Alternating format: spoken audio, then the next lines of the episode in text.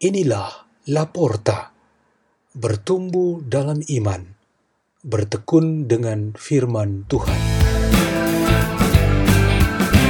Dibawakan oleh Paula Tetriana Ari Hartanti dan Maria Advensia Eka Setianingrum dari Gereja Santo Mikael, Paroki Pangkalan Adi Sucipto, Keuskupan Agung Semarang.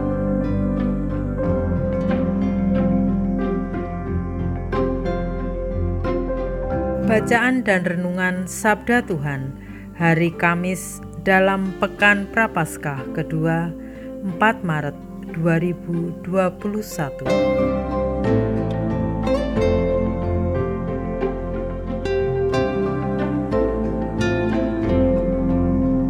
Inilah Injil Yesus Kristus menurut Santo Lukas. Sekali peristiwa, Yesus berkata kepada murid-muridnya, "Ada seorang kaya yang selalu berpakaian jubah ungu dan kain halus, dan setiap hari ia bersukaria dalam kemewahan. Dan ada seorang pengemis bernama Lazarus, badannya penuh dengan borok. Ia berbaring dekat pintu rumah orang kaya itu dan ingin menghilangkan laparnya dengan apa yang jatuh dari meja orang kaya itu. Malahan anjing-anjing datang dan menjilati boroknya. Kemudian matilah orang miskin itu, lalu dibawa oleh malaikat-malaikat ke pangkuan Abraham. Orang kaya itu juga lalu mati, lalu dikubur. Sementara menderita sengsara di alam maut, ia memandang ke atas, dan dari jauh dilihatnya Abraham dengan Lazarus duduk di pangkuannya. Lalu ia berseru, "Bapa Abraham, kasihanilah aku. Suruhlah Lazarus mencelupkan ujung jarinya ke dalam air dan menyejukkan lidahku, sebab aku sangat kesakitan dalam nyala api ini." Tetapi Abraham berkata, "Anakku, ingatlah."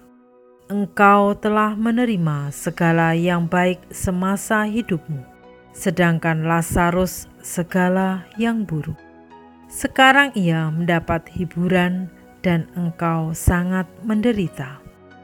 Selain daripada itu, di antara kami dan engkau terbentang jurang yang tak terseberangi, sehingga mereka yang mau pergi dari sini kepadamu ataupun mereka yang mau datang dari situ kepada kami tidak dapat menyeberang.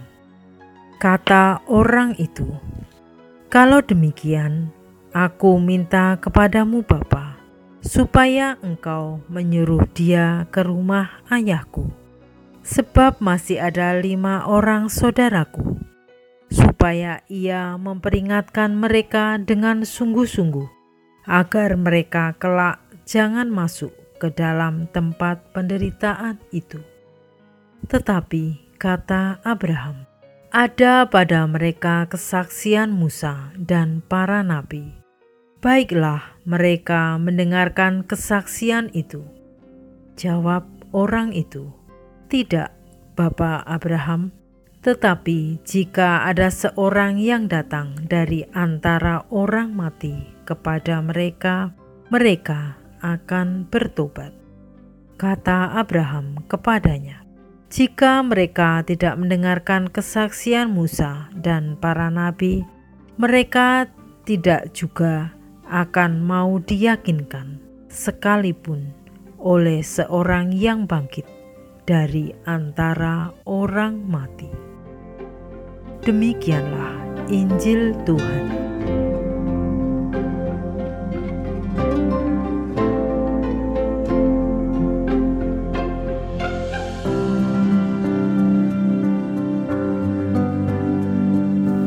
Renungan kita pada hari ini bertema mengandalkan Tuhan melalui manusia. Kisah terkenal tentang Lazarus dan orang kaya yang tidak punya nama menjadi bahan katekese yang menarik. Kisah ini dapat dipakai untuk memperkaya isi pengajaran tentang bersandar sepenuhnya kepada Tuhan di satu pihak, sementara di pihak lain, dalam kenyataan, melalui sesama, kebaikan Tuhan itu didapatkan. Lazarus ditampilkan sebagai orang yang menyambung hidupnya di dunia, kalau Tuhan mempertahankan hidupnya. Seandainya orang kaya itu tahu dan sadar untuk memberinya pertolongan yang diperlukannya. Nabi Yesaya dalam bacaan pertama mengingatkan supaya orang-orang beriman mengandalkan Tuhan untuk kelangsungan hidupnya. Lazarus dan kita semua sangat memerlukan ini.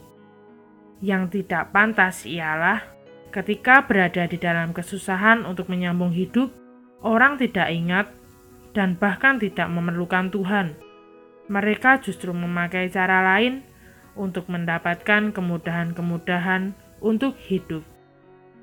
Konteks yang senantiasa ada ialah Lazarus dan banyak orang lain yang senasib selalu ada bersama orang-orang lain yang hidupnya lebih beruntung, secukupnya, atau berada. Kata penginjil Markus, orang-orang miskin selalu ada bersama kalian. Yang lebih konkret dapat kita lihat di dalam sebuah paroki. Gereja teritorial ini selalu memiliki lapisan umat yang hidupnya dalam kekurangan.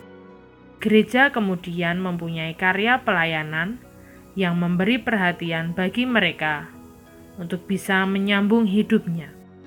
Kolekte dan sumbangan yang dilakukan di paroki, salah satu kegunaannya tentu untuk kepentingan ini, Gambaran ini cukup menerangkan bahwa golongan Lazarus ini mengandalkan Tuhan melalui sesamanya di dalam komunitas beriman. Namun semuanya tidak selalu lancar dan menunjukkan sesuatu bentuk pelayanan yang memadai. Maksudnya ialah bahwa golongan Lazarus ini belum tentu mendapatkan yang mereka perlukan dan campur tangan Tuhan bisa saja tidak dijalankan melalui sesama manusia yang lebih beruntung. Yesus sangat jelas memperlihatkan kalau golongan Lazarus sangat memerlukan pertolongan. Yang menjadi krusial ialah orang kaya tanpa nama yang mewakili banyak dari kita di dalam gereja tidak mampu menjadi perpanjangan tangan Tuhan untuk menolong golongan Lazarus. Itu yang sebenarnya Yesus tonjolkan.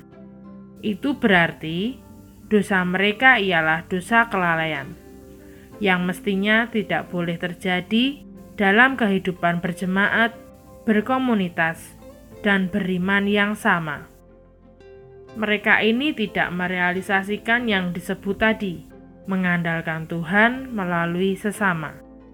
Akibatnya sudah jelas seperti yang sudah kita dengar dalam Injil tadi. Marilah kita berdoa dalam nama Bapa dan Putra dan Roh Kudus. Amin. Ya Yesus yang baik, buatlah kami untuk selalu menyadari dan melakukan kewajiban kami sebagai pengikut-pengikutmu. Salam Maria, penuh rahmat Tuhan sertamu. Terpujilah engkau di antara wanita, dan terpujilah buah tubuhmu Yesus. Santa Maria Bunda Allah, doakanlah kami yang berdosa ini, sekarang dan waktu kami mati. Dalam nama Bapa dan Putra dan Roh Kudus. Amin. La porta, la porta.